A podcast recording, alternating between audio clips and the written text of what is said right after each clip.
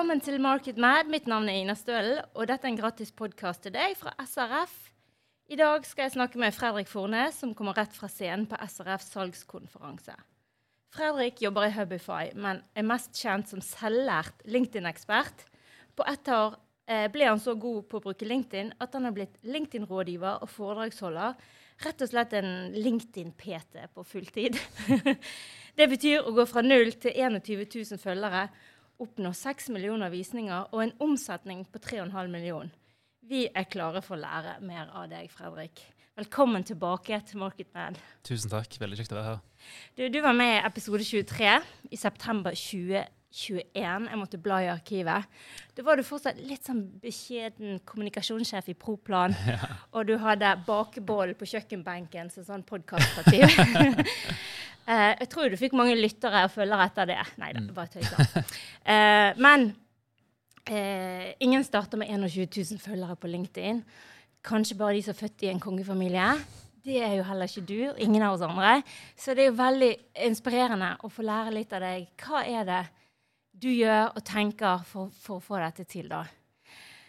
Um, og hva er egentlig hele poenget med å bli god på LinkedIn? Hvorfor skal, vi, hvorfor skal vi begynne på den reisen som du egentlig gjør hver dag?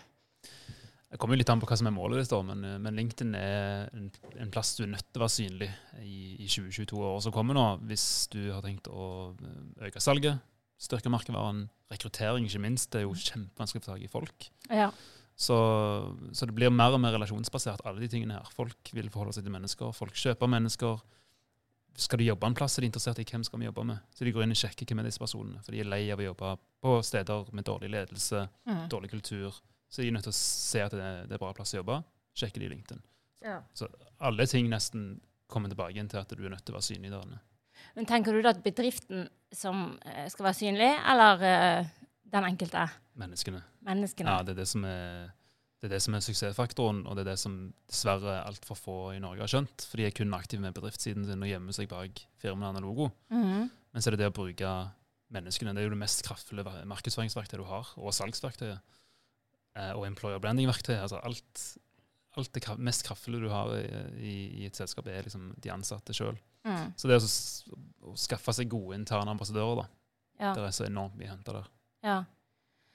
Uh, så LinkedIn er på en måte stedet der vi finner nye folk, eller vi finner nye arbeidsgivere, men òg vi selger tjenestene våre Uh, og produktene våre. Sant? Så det er jo på en måte en sånn businesskanal mm. i, i, i, hovedsak. Sant?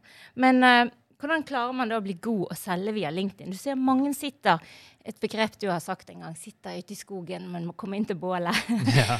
altså, hva er det som er Hvordan kan man klare å bli god på å selge, selge eller promotere seg ja. sjøl eller bedriften på, på LinkedIn? Altså, jeg havner jo litt sånn tilfeldig inn i, inn i den salgsverdenen, da. For at mitt mål da jeg starta med LinkedIn, var jo kun merkevarebygging. Jeg var jo markedsfører og er markedsfører. Det var det jeg skulle gjøre, bygge merkevaren til, til selskapet mitt. Og så tenkte jeg med meg sjøl ok, da må jeg jo nødt til å, til å lage godt innhold. Og så var jeg veldig sånn bevisst på denne 95-5-regelen, mm -hmm. som i B2B-verden da er veldig aktuell. At 95% av målgruppen er jo ikke kjøpsmodus. Det er kun 5 ja. til enhver tid som faktisk har behov for produktet ditt. Likevel så driver vi kun altså Utelukkende nesten all markedsføring og salg er liksom retta mot de 5 -ene. De skal liksom få de der mm. over, over, mållinjen. Så de snakker kun om produktet sitt, ja. Hvilke avtaler de har inngått, eh, den gode prisen deres, og 95 driter jo i det. Ja. De er ikke i kjøpsmodus. Nei. De er mulige kjøpere, potensielle kjøpere. På et annet tidspunkt. Men ikke nå. sant? Ja. Og jeg tenkte med meg sjøl ok, men La oss drite de 5 for de er jo klare uansett. Så det er greit. Men den gruppen av 95% den er jo enormt mye større. Ja. Hva hvis vi kan begynne å bearbeide de, ja. sånn at de blir kjøpsmodus? Mm. Der er jo potensialet enormt. Mm. Så da snudde jeg om og så tenkte jeg, ok, la meg heller bare fokusere på de 95 Kommunisere til de, dele innhold som de bryr seg om. Det vil si dele av mine tanker rundt faget mitt. Jeg delte av mine meninger rundt arbeidskultur og ledelse mm. for å vise litt personlighet. For det er så viktig at folk blir kjent litt med meg. Ja delte um, skrivetips, LinkedIn-tips. Og der var det sånn jeg, jeg skal ikke skjule ting bak en e-postliste uh, eller at det er en e-bok som du må laste ned, og så må du legge igjen et eller annet. Ja. Jeg skal bare dele alt ja. helt gratis. Så håper jeg på et eller annet punkt så slår det tilbake på meg. Ja. Og det gjorde det jo. Du driver ikke sånn white papers og Nei. gi meg e-posten din, så Nei, jeg får lese konklusjonen. Nei, nei. Du skal bare få alt, og så, Ja. så får du til slutt verdien tilbake igjen. Ja. Men uh, hvis du skal uh, Du snakker om dette med uh, mennesket, da. Presenter deg sjøl som person. Dette med social selling eller sosialt salg. Jeg vet ikke om Mm. det er et ord på norsk. Hva legger du i det begrepet, liksom so social selling? Ja, og det er jo et veldig nytt begrep for meg òg. Jeg oppdaget det kanskje for, for et par måneder siden. liksom. Og, Ja. For det var da jeg begynte å se OK.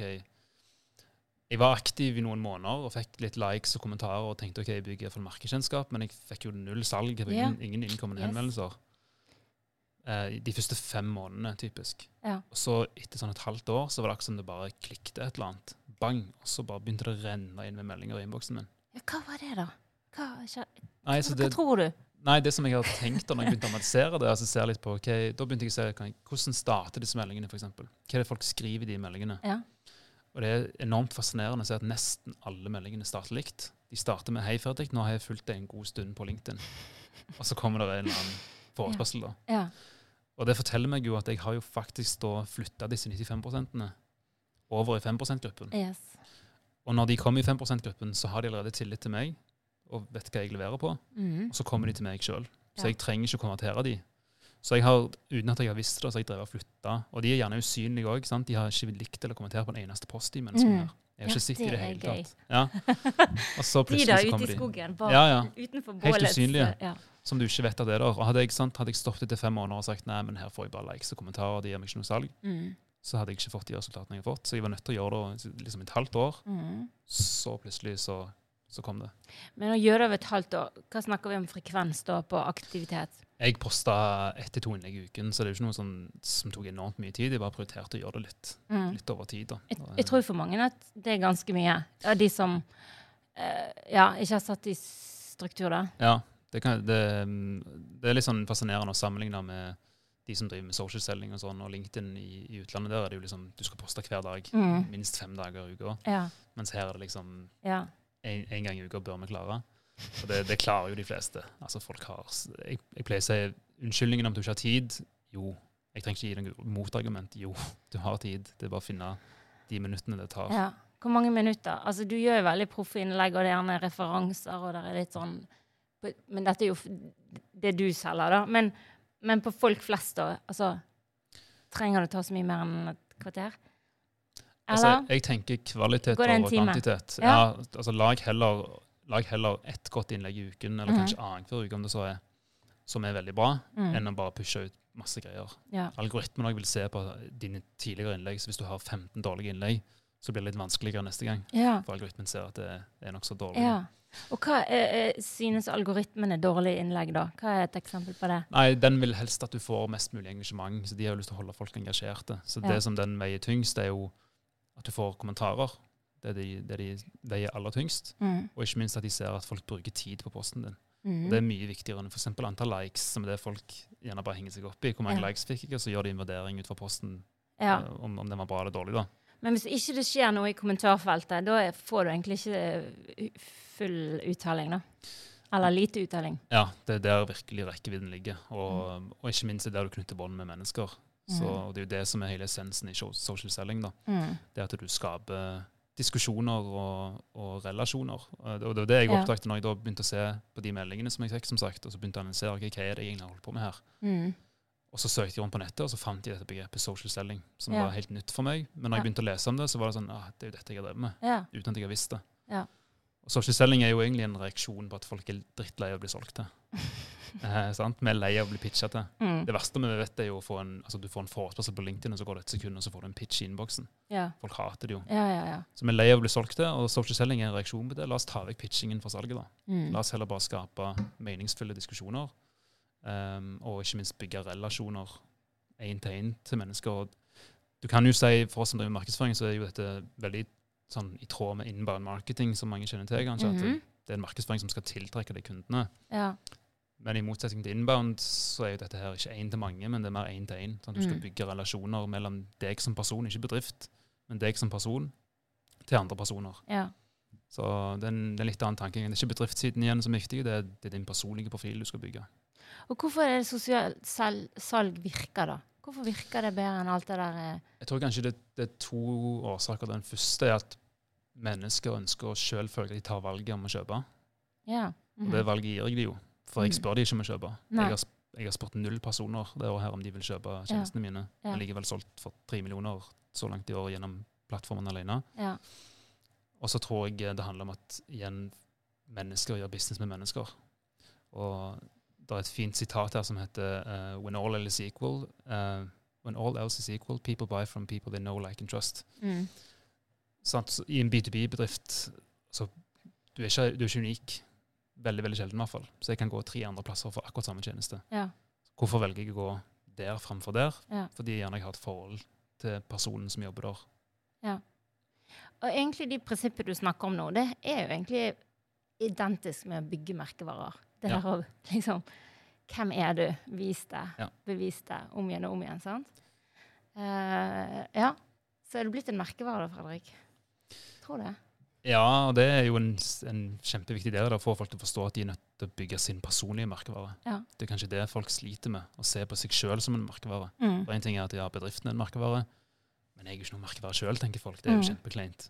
Jeg jobber jo bare her i den avdelingen. Ja, sant? Men, men faktum er at du er en merkevare. Ja. Så hver en av dere der ute er en merkevare. Og så er bare spørsmålet hvor sterk velger du å gjøre den. Mm. Og det er klart, gjør du den sterk, så er, det, så er det bra for bedriften. Det er bra for deg personlig. Det er jo en fin ting å huske på her, at det er vinn-vinn, for at eh, du bygger din egen karriere. ja, du skal videre en gang, Ja, ja. kanskje? Og den Mhm. personlige merkevaren, det å bygge den, på et eller annet punkt får du bruk for den. Ja, og den eier du. Den eier du uansett hva som skjer i karrieren din. Ja. Sant? Det som du bygger opp på LinkedIn med nettverk, Mm. personlig merkevare, kompetanse, det følger deg uansett. Så dette er ikke en jobb som du går inn og bare gjør for salgsavdelingen og markedsavdelingen til bedriften. Det gagner deg personlig òg.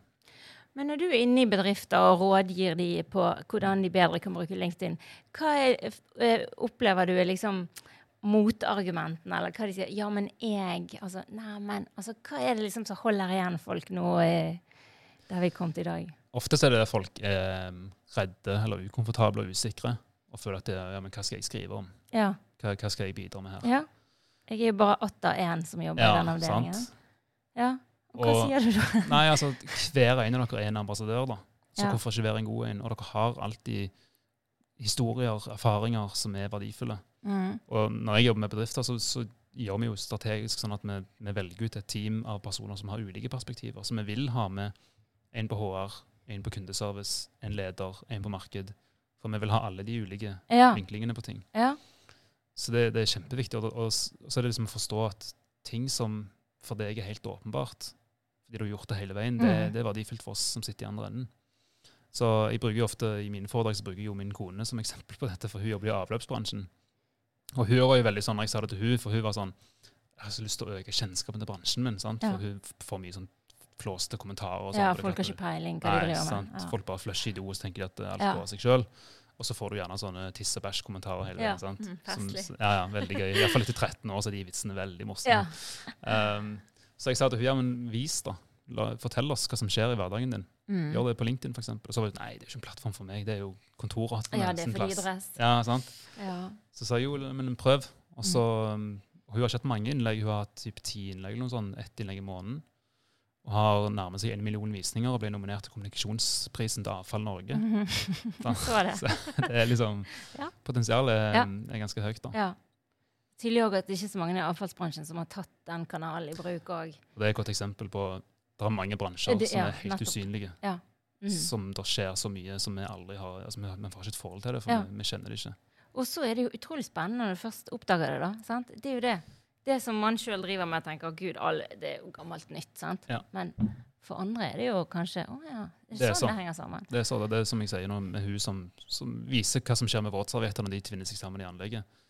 Det er helt vanlig for henne, for det skjer jo hver dag. Ja, Men for oss er det jo helt nytt. Vi har aldri sett det før. ja. ja. Og så får vi et forhold til det, og så, og så bygger jo Slutter vi å gjøre det, kanskje, til og med. Det er jo det, er det som er hennes mål. Ja, Det er det som skal være hennes konvertering, og det håper jeg jo at hun har klart å oppnå litt av. Ja. Men i det foredraget ditt i dag så har du gått gjennom liksom åtte ting man bør gjøre for å lykkes bedre med sosialt salg. da. Mm. Sant? Det ene du snakker om, det er å pusse opp LinkedIn-profilen din. Ja. Hva, skal, hva er problemet? Nei, det, det, det er liksom det mest grunnleggende. Ja. Folk vil søke dere opp. som sagt. De er interessert i hvem er disse menneskene. Eksempel hvis de skal kjøpe av dere, Mm. så, de, så gjør de researchen. De Ja. googler dere. Og hvis du søker opp ditt eget navn, så er LinkedIn-profilen plass nummer én eller to. Mm. Så folk vil gå inn og kikke. Og hvis, kommer, hvis jeg kommer inn på en profil da, og ser at okay, her mangler det et bannerbilde i toppen, som det som regel gjør, det er et dårlig profilbilde og nesten ingen tekst, Ja. Så er det et dårlig førsteinntrykk Ja. av deg.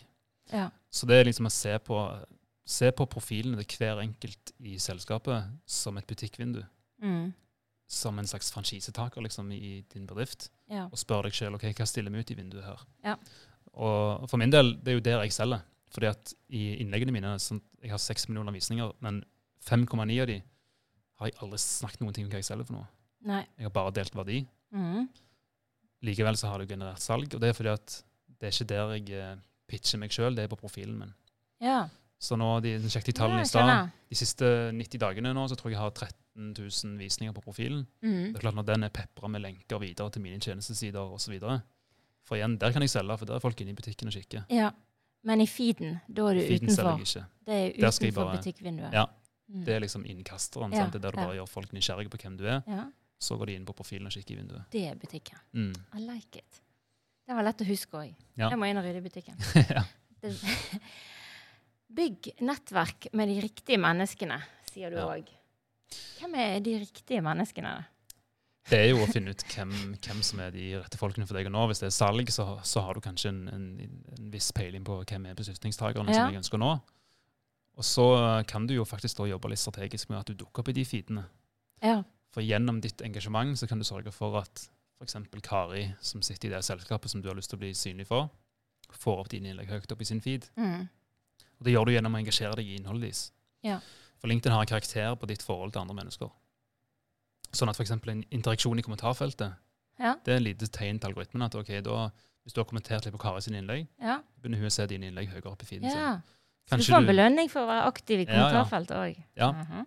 Og i tillegg, hvis du sender en melding til hun, sånn Ja. direkte innboksmelding, det er et kjempesignal til algoritmen. Oi, de sender private meldinger til hverandre. Å ja. Da må Kari begynne å se dine innlegg høyere opp i sin feed, Ja. og vice versa. Okay. Så på den måten så kan jo du styre litt Ja. hvem skal få opp innleggene mine. Altså, dette er jo verdifulle tips, altså. Det Ja. er ganske nyttig å vite om. Ja. Um, OK. Og så har du punkt tre. Publiser verdifullt innhold fra din LinkedIn-profil. Ja, Ja, det har du egentlig snakket litt om. Ja, og det er jo å forstå at det, er de personlige profilene som er der rekkevidden ligger. Ja. Ikke bare skjul ligger bak en bedriftsside. Ja. Og dataen fra LinkedIn viser at du får åtte ganger mer engasjement på en personlig profil. ja. Og algoritmen er jo veldig drevet av engasjement. som sagt. Det er det de vil se, at du får engasjement på posten din. Mm. Og når du får da åtte ganger mer engasjement der, så får- når du òg noe sånn som 500 flere på en personlig profil. Så, så utnytt de personlige profilene, og som Mm. sagt, lag innhold til de 95% ikke til 5 Mm. Men det liker jeg i den setningen din, da. Verdifullt innhold. Ja. For det er jo mye som rett og slett ikke er verdifullt. Ja. Sant? Og hei, og ja, ja, så takknemlig, og her var jeg i dag, og bildet. Sant? Altså, ja. dumme eksempler. Men, men altså, verdifullt innhold.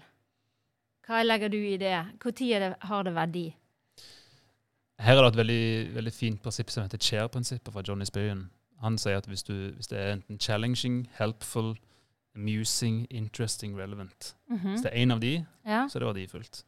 Okay. Og f.eks. en post om at eh, en sånn handshake-bilde med Nå har vi inngått ny avtale med de og de. Ja. Det er ingen av de bokstavene. Vi driter i det, å være helt ærlig. ja Iallfall de 95 prosentene. Ja. Det er helt uinteressant for oss. Ja. Så, Men amusing, det kan det være, altså. ja, og det er òg undervurdert der inne.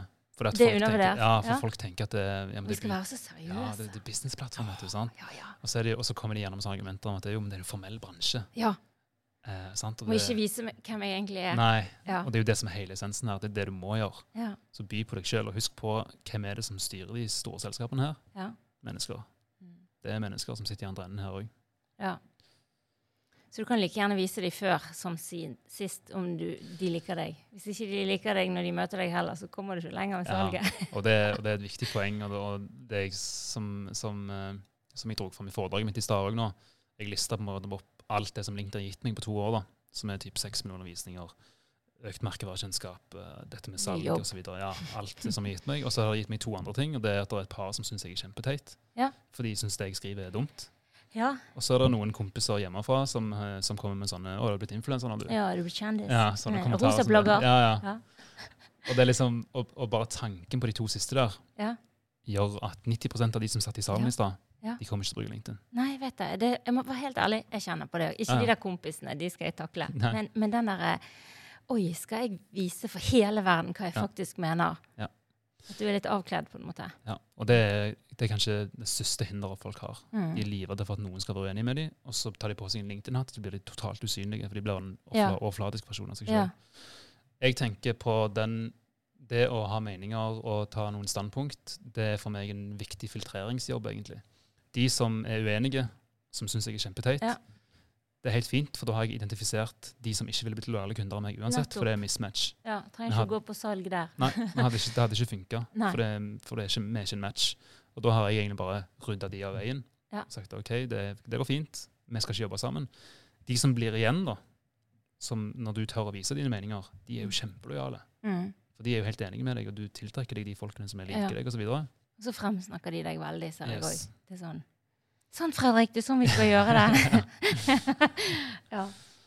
Men eh, forstå den mystiske algoritmen. Den har vi- du snakket litt om. Kan du forklare litt mer? For den, den endrer seg. Ja. Og han responderer på noe formater, om det er video versus bilde, om det er kommentar versus eh, sånn. Hva, er- hva er det som trigger algoritmen nå eh, for tiden? Nå kom det en, en ny rapport i går hvor er en som heter Richard van der Blom som har gjort en del analyser på dette, og, og kommer med litt sånn statistikker på hvor mange hashtagger skal du ha, osv. Ja. Ja. Uh, og så er det jo viktig å huske på her at det først og fremst lager godt innhold. sant? Mhm. For, for mange er sånn De tror at ok, hvis jeg tar tre hashtags istedenfor fem, så, så løser det seg. Ja. og det er ikke sånn det fungerer. Men det er klart, det å vite litt om algoritmen, det er litt altså Da, da kan du spillereglene, da, og det hjelper litt på. Mm. For da kan du nå enda flere. Og som sagt, egentlig så det endrer seg litt rundt detaljene med hvordan den fungerer, men det viktigste er at du får engasjement, og at du får det tidlig. Så LinkedIn gjør en Tidlig i betydning etter du har postet. Yes, så de første, ja, de første 90 minuttene er helt avgjørende, faktisk. Ja. Så han ser på, han tester den posten din på rundt 10% av nettverket ditt første 90 minuttene, og så får de bli på en måte testkaninene ja. som får avgjøre ok, dette er en Om bra post. videre. Ja, eller skal vi drepe den? Er han dårlig? Og, og det, da, klart, da betyr det jo ja, og da betyr det litt hva tid du poster. ikke sant? Ja. For Hvis du poster en lørdag kveld, så er jo ingen på LinkedIn. Er det ikke det? De er der tirsdag, onsdag, torsdag fra rundt åtte om morgenen og fram til rundt lunsj. Ja. Da er det mest og det peak liksom, på engasjement. Så det er veldig sånn ja. i forhold til hva tid folk er på jobb. da. Så Derfor pleier jeg å si fredagene i Norge, det, da må du være kjapp, for folk reiser jo på hytta i ti-tidene. I OK, så hvis du har en god post du har lyst til å poste, og det er fredag, sparer du den til eh, tirsdag? Jeg eh, pleier å gjøre det hvis han er tidløs, så Ja. holder jeg den heller til tirsdagen. Ja. Mm.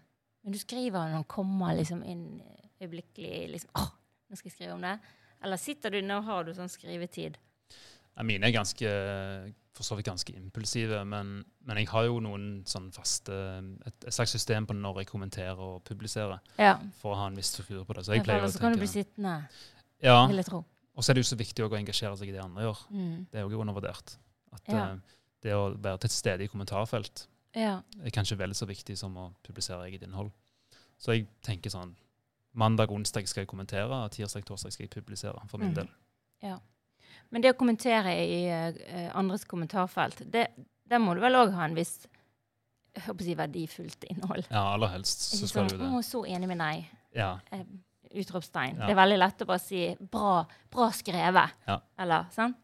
ja og igjen, så her er jo målet å bygge din merkevare. Så, Mm. så legg til noe verdifull innsikt, eller bare være nysgjerrig, stille noen spørsmål. Ja. Et eller annet som gjør at eh, folk får opp den kommentaren og tenker ok, de, det var en verdifull eller innsiktsfull eller en, en bra kommentar. da. Mm. Så um, er du f.eks. et sted i, i en post som har fått ganske mye rekkevidde, så kan det gi deg sikkert mer følgere enn et innlegg kan. For det, at Ja. det er for mye visninger det innlegget der. Ja. Du er, har en bra kommentar som kanskje får noen likes, havner litt høyt i den lista. Mm. Så blir du synlig for de rette folkene. For de som har vært inni den feeden og Mm. kommentert. Ja, så det er liksom pinger-ponger tilbake. Ja. Ja. Men hva annet er mys- den mystiske algoritmen? For det, eh, har video eh, bedre effekt enn foto? Er det noen sånne karuseller som gir deg bonuspoeng? Hvordan funker det? Ja, vi ser faktisk at eh, det som gjør det aller best, er tekst pluss ett bilde. Ja. Sånn en bildepost.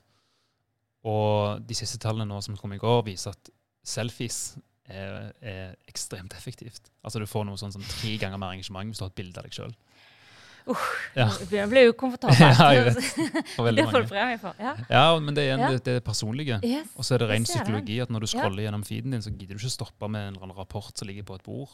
Nei, eller noen som har tatt bilde av en skjerm på sånn 20 meter avstand. sant? Da Ja. scroller du bare rett forbi. Men når Ja. du ser et menneske, et ansikt som smiler, f.eks., Mm. da stopper du opp og blir nysgjerrig. Mm. Så det er jo grunnen til at uh, sånne type poster gjør det bra. Uh, rene tekstinnlegg òg går, helt fint, så du trenger ikke alltid ha et bilde. Nei. Video gjør det ofte litt dårligere på LinkedIn, Ja. uh, fordi at eh, det genererer gjerne ikke mye, like mye engasjement. Nei. Jeg tror kanskje det er det som gjør det at folk bruker gjerne det minuttet på å se filmen, og så scroller de bare videre. Ja, de, å, ja. Men jeg syns fortsatt det er en viktig del av miksen. da. Ja. Så ikke heng deg alltid opp i hva som får, mest, eh, hva som får mest rekkevidde. For det er klart, noen ganger så har du et innlegg som er kanskje litt mer faglig, som viser litt mer faglig tyngde. Mm. Og så vet du at du får ikke like mye engasjement på det, som et flåsete, litt morsomt Ja, innlegg. eh, ja, en har selfie. Ja. Mm. Men det treffer jo de rette folkene. sant? De som skal ta beslutningene osv. Når de ser det innlegget, så det er verdi for de. Ja. Så ikke hele veien ser deg, ser deg blind på rekkevidde og likes, men, men se litt på effekten det har òg, da. Ja. Mm. OK. Ja, jeg har det bare til å komme ut av skogen med en gang. um, uh, få mottakeren til å relatere seg. Mm. Til hva da, tenker du? Det er et av de punktene dine. Ja, Hva skal relatere seg til? ja, for folk, er, folk blir så veldig opptatt av hva de skal selge for noe. Ja. Og så tenker de bare hva, det jeg skal, hva, hva skal jeg snakke om her, hva skal jeg promotere? Ja. Og så er det bare det de snakker om. Ja. Og så tenker de ikke over at det, men det sitter noen i andre enden her som er nødt til å stoppe opp og tenke OK, dette gjelder meg. Ja. OK, her kan jeg kjenne meg igjen. ja.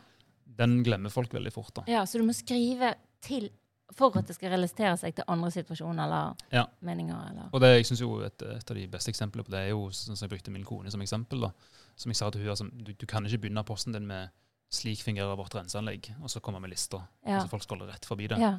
Men når du viser de våtserviettene, eller den kondomen som hun har plukket opp fra anlegget, eller de bankkortene som har endt opp der, ja. Da hektes folk på, sant? For det er jo relaterbart. Er det mitt bankkort? Er det der det ligger på LinkedIn? ja, ja, det er litt sånn. Ja. Da kan det komme en budskap etterpå. Da kan du si at sånn fungerer rense, renseanlegget vårt. Mm. Det folk er hekta på. Så du, du, du må finne den der knaggen og finne den kondomen i historien, som Ja. pleier å si. da. Metaforisk. Men den er jo av og til litt vanskelig. Altså, hun har sikkert aldri tenkt på at det skulle være noe hun skulle poste på LinkedIn først og fremst. da. Mm. Eh, så jeg tror det er litt vanskelig for alle i sin bransje å tenke hva er den der kondomen i min tjeneste, da, hvis Ja. vi skal eh, bruke det eksempelet. Hva er det hvis du som f.eks. selger en tjeneste, Ja. sant? som rådgiver, da? Hva er din sånn knagg? Ofte så syns jeg at folk glemmer helt å snakke om smerten. De bare går rett inn på løsningen. Ja. Smerten er kjemperelaterbar. Mm. Så det å begynne med et eller annet som folk kjenner ja, men det har jeg kjent på. ja. Sånn, hvis det er regnskapstjenester, så er det sånn ja, det er vanskelig å føre sitt eget regnskap. Eller Ja. det er vanskelig å vite hva, hva sier tallene deg egentlig. Ja. Sånne ting som gjør at folk sitter i andre enden og tenker ja, det har jeg tenkt på. Ja. Så kan løsningen komme. Ja. Smerten er ofte veldig relaterbar. da. ja, den er god. Mm. Ja, OK. Finne en smerte som andre kan relatere seg til, Mm. og svare på det, da, på en måte. Sant? Ja, og så er du nødt til å gå veldig kjapt inn i den. Så ikke gå rundt grøten i starten. For du har, du har noen linjer i begynnelsen, og så kommer det den der se mer-lenken. Ja. Så du er nødt til å bare gå rett inn i det. Du kan ikke begynne å, å introdusere deg sjøl. Ja. I går tenkte jeg som så. Ja, det funker ikke. Du har liksom ett sekund på å overbevise oss, Ja. så du må bare gå rett inn i greiene. Så når de har trykket på 'les mer', eh, sant? og Mm. gardinen detter ned Ja. Det første som kommer da, skal det være liksom svaret på egentlig headingen, da? Eller Det trenger ikke nødvendigvis være det. Det er egentlig et par elementer i posten. Det første er det som jeg sier, det er det, det vi kaller for hooken. Ja. Hekt folk på. Mhm. Og så skal du helst dra folk med deg gjennom posten. Det er ikke sikkert du skal komme med løsningen med en gang, men du skal dra folk med deg kanskje gjennom, gjennom å fortelle en historie, som er kjempeeffektivt. Å fortelle historier og mye mer effektivt enn å liste opp fakta. Mhm. Og så den plassen, altså det elementet som folk flest undervurderer, det er avslutningen på en post. Ja, det er så vanskelig. Folk, folk bare stopper. Altså det, det er liksom en bra post, så leser jeg videre, og så å, der var den slutt. Ja. Og Hvor da, går vi nå? ja, og da tenker jeg ofte sånn OK, grei post, og så scroller jeg videre. Mm. Og så får du ikke en like eller noen ting av meg. Nei. Der folk avgjør om de engasjerer seg, det er avslutningen. Så du er nødt til å ha det som vi kaller for the mic drop moment. Sant? Du er nødt til å Mhm. slå folk i magen med slutten der. Ja. Sparke dem i leggen. Ja. Stille et spørsmål. Komme med et statement. Et eller annet som gjør at vi Oi, den traff meg. Ja. Da engasjerer de seg.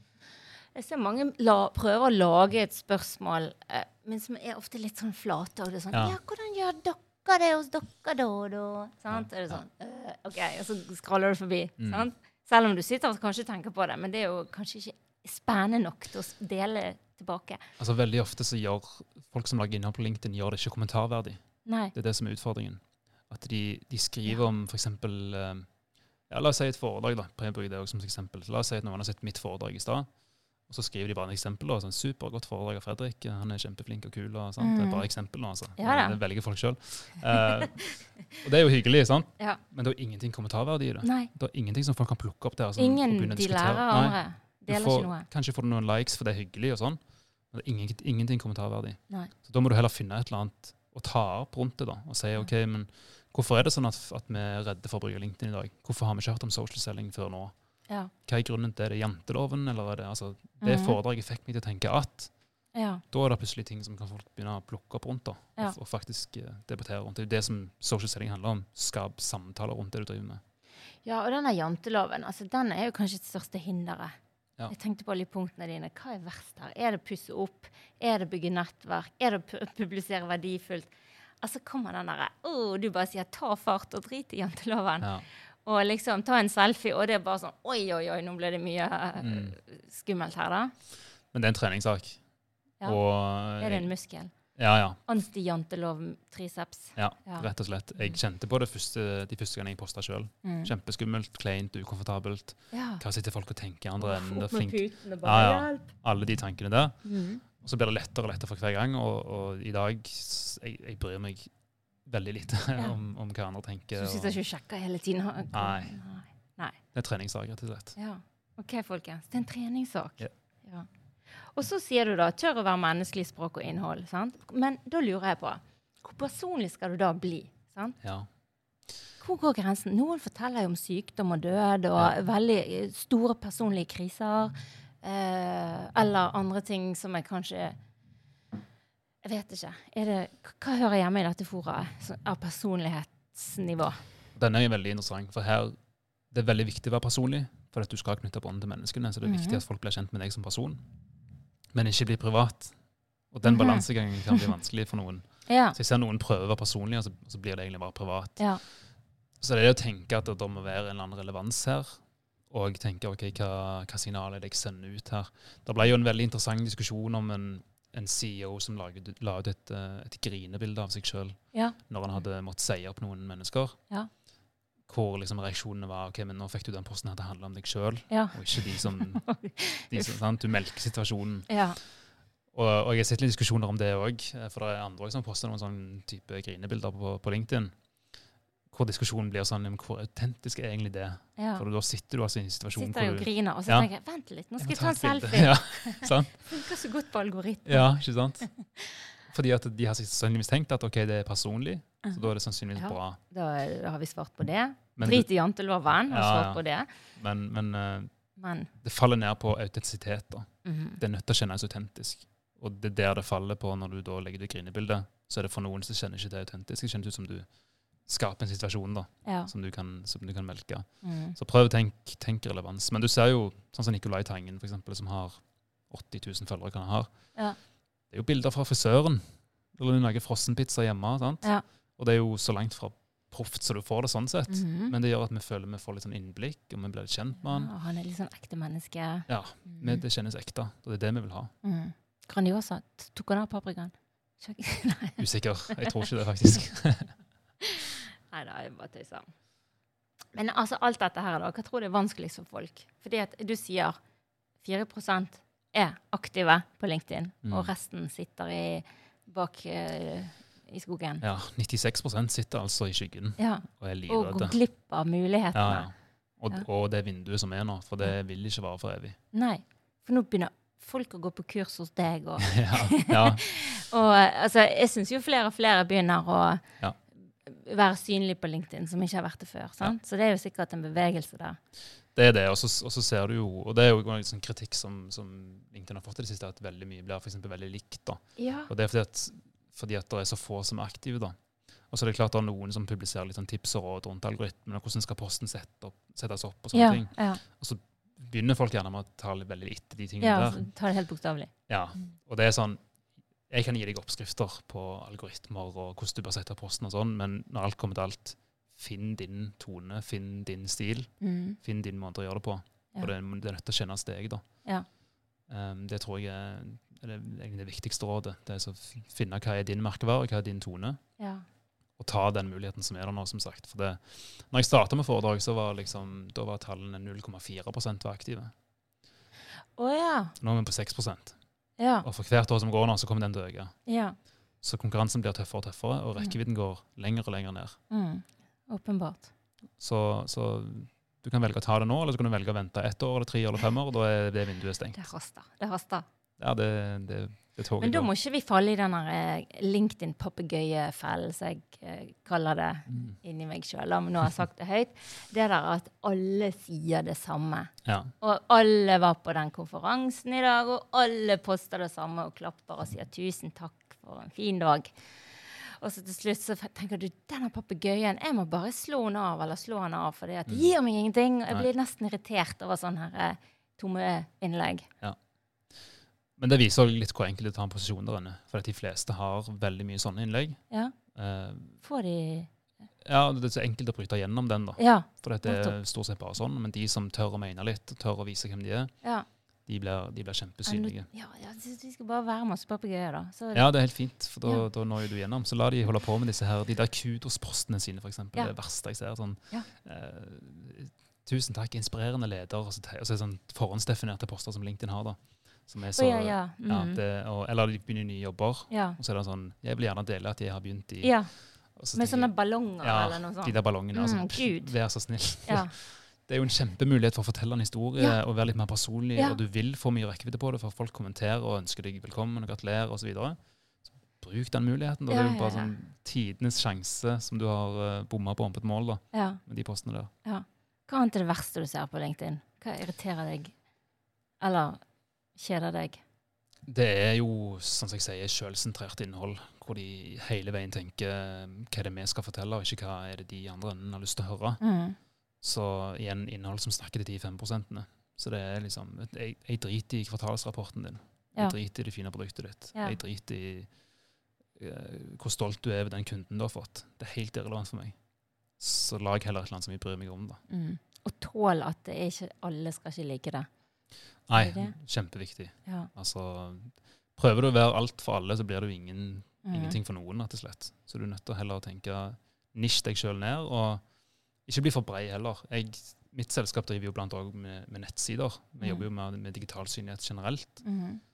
Men, og jeg har drevet med nettsider siden jeg var sånn 14, men jeg har ikke hatt ett innlegg om det på LinkedIn. Nei. For på LinkedIn skal jeg bare være han, han LinkedIn-fyren. Ja. Jeg skal ikke begynne å flytte det til med andre ting. Ja. Så heller nisj deg ned enn å tenke at du skal være veldig bred eller snakke om mange forskjellige ting. Mm. Altså, veldig bra. Føler du av og til at andre utnytter deg og tagger deg for å få sine innlegg og få økt rekkevidde? Ja, av og til så ser jeg at jeg blir tagget Jeg har tenkt på det. Ja. Ja. Det er enda en som tagger Fredrik. Ja ja, har de vært på foredrag? Ja, det er klart er noen ganger hvor jeg ser at eh, relevansen er kanskje ikke så stor. eh, Mm. Og da blir jeg litt sånn Det er ikke nødvendigvis jeg svarer på de innleggene. da. Og jeg, jeg kjenner litt på et ansvar, og det, det har du jo òg når du begynner å få litt følgere. At du, du har litt ansvar for hva som dukker opp i andres feeder. sant? For jeg vet jo at hvis jeg liker å kommentere et innlegg, så er det potensielt 21 000 stykker som får opp det innlegget. Ja, de dukker opp hos meg når noen Ja. tagger deg. sant? Ja. Så, men det er igjen Ja. Aktiviteten din er en del av markedsbyggingen din. Ja. Så hvis du engasjerer deg i crap-innhold, Mhm. så er det dårlig merkevarebygging. ja. Men hvis du er til stede i de gode postene og viser at uh, dette er innhold som, som resonnerer med mine merkevarer, f.eks. Ja. Hvis jeg ser en post som snakker om for stillingsannonser, da, Ja. og dårlige stillingsannonser som jeg har snakket mye om, Mhm. så føler jeg at jeg har, da har jeg en forpliktelse ja. overfor mine følgere til å Mene noe om det. mene og- noe, ja. være til stede der. Ja, godt Det er i tråd med min merkevare. Ja. Så hvis noen begynner å bable om det, da skal Fredrik Da må jeg være på. Ja, da, må du på. Ja. Ja, Da er det viktig å være litt nisje, ellers kan det bli veldig travelt. Ja, ja det er sant. Men det gjelder alle. Vi må være litt mer nisjete. Ja. Jeg tror det. Du, dette var kjempegøy, kjempenyttig. Nå skal vi huske dette her. Vi skal pusse opp, vi skal bygge nettverk med de riktige. Vi skal tåle at det er 5 som liker det vi skriver. Så skal vi eh, lage verdifullt innhold. Uh, vi skal få mottakeren til å relatere seg. Vi skal være personlig, men ikke privat. Mm. Ja. Selfies funker godt. Ja. Gode kommentarer i innlegg gir nesten, kan gi like god rekkevidde som en god post. Ja. Altså, trenger ikke poste engang. Nei, om nesten ikke, hvis du er god i kommentarfeltene. Hvis jeg tenker meg om. Ja. Og så må vi drite i jan- janteloven. Ja. OK. Da skal det gås vel. Litt Kast, bedre. kast dere ut i det, og, og gjør det over tid. Det er jo det som er essensen her, som jeg sier, Ja. sier i- foredraget i stad. Hvis jeg hadde stoppet etter fem måneder, Ja. så hadde jeg endt med null kroner i salg. Ja. Litt visning og kommentarer, Ja. men null kroner i salg. Samme gamle jobben. Ja. Du må gjøre det over tid. Ja. Mm. Fredrik, fantastisk. Veldig gøy, lærerikt og um, verdifullt innhold. Også live. ja. Takk skal du ha. Sjøl takk. Hvis du likte denne episoden, så anbefaler jeg deg å gå inn og abonnere på podkasten vår, Market Mad. Eh, vi har òg en veldig gøy gruppe på LinkedIn faktisk, som heter MarketMed. Den må du søke opp og så melde deg på, for der eh, snakker vi om alt det ufiltrerte som vi eh, sparer andre for. eh, så eh, følg oss gjerne.